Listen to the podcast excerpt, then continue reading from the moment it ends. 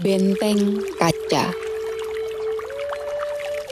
Sungguh, semua telah kutata sedemikian rupa hingga aku menilainya sempurna tanpa celah.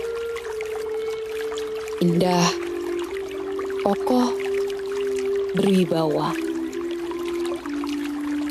Tembok itu kubangga-banggakan. Hilang percaya. Kukira fondasi itu terbuat dari batu. Kusangka balok itu adalah kumpulan bata. Hilang percaya. Nyata, ia batu kapur yang tak punya daya.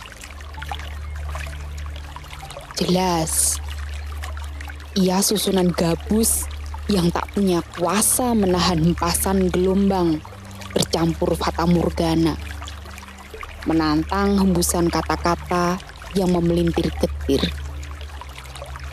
Hilang percaya.